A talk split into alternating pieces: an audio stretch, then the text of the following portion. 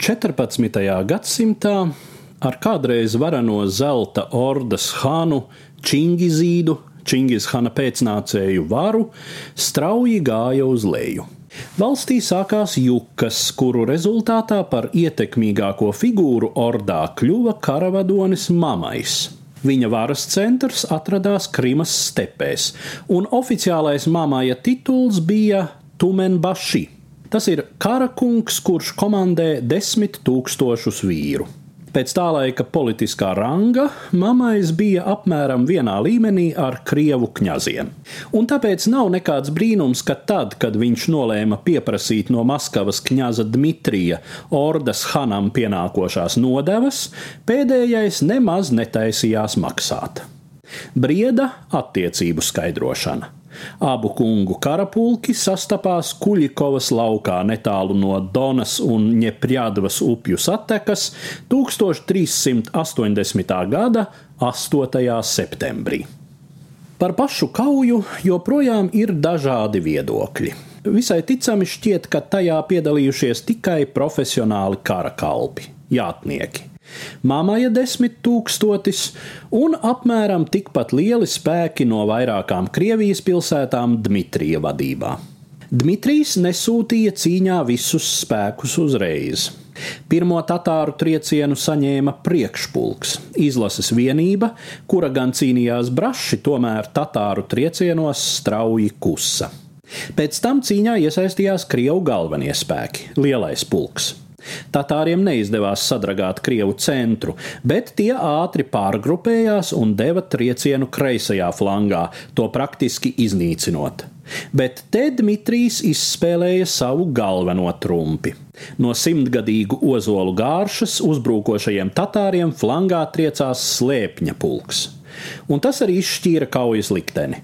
Mamaja spēki bēga, Dmitrijs bija uzvarējis un ieguvis lepno pavārdu Donskojs. No vienas puses, Kuļikovas kauja šķiet kā saķeršanās starp diviem feodāļiem zelta ordas varas sfēras ietvaros. Tomēr vēsturē tā ir iegūsi plašu rezonansi kā nozīmīgs pavērsiens Krievijas cīņā pret mongoļu tatāru jūgu. Ja kāds tolaik, 14. gadsimta beigās, teiktu kņazam Dmitrijam, ka viņš dodas gāzt tatāru jūgu, kņazs vienkārši nesaprastu, par ko ir runa. Pašu tatāru jūga jēdzienu radīja poļu autori, bet Krievijā tas ieviesās tikai 19. gadsimtā. Krievu vēsturnieks Ļevs Gumiļovs dēvē krievu kņazu un tatāru hānu attiecības par simbiozi. Kņāzi maksāja tatāriem meslus, savukārt tatāru ātrās reaģēšanas spēki bija gatavi sniegt militāru palīdzību, ja kņazam gadītos problēmas ar kaimiņiem. Un tā kā krievu kņaza kaimiņš tais laikos lielākoties bija cits krievu kņazs, tad lūk arī motīvs tatāru periodiskajiem iebrukumiem Krievzemē. Tomēr tas pats Ļevs Gumiļovs uzsver Kuļikovas kaujas nozīmi Krievijas liktenī.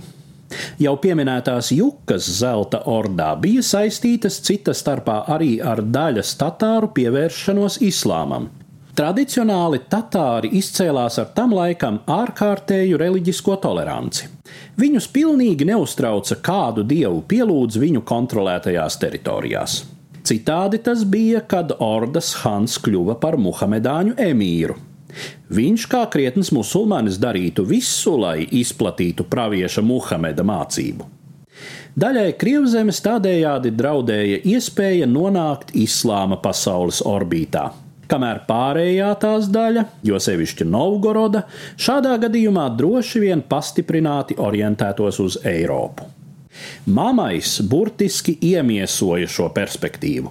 Viņš bija islāmticīgs tatārs, Tā nu Dmitrijs Kuļikovas laukā izgāja cīņā par Krievzemes pareizticības nākotni un pavēra Krievzemē jaunu attīstības iespēju - centrēties ap Maskavu un būvēt pareizticīgu Krievijas impēriju, un kā to skaidri apliecina arī visjaunākie notikumi, šo savu lomu Krievija nepavisam neuzskata par izspēlētu.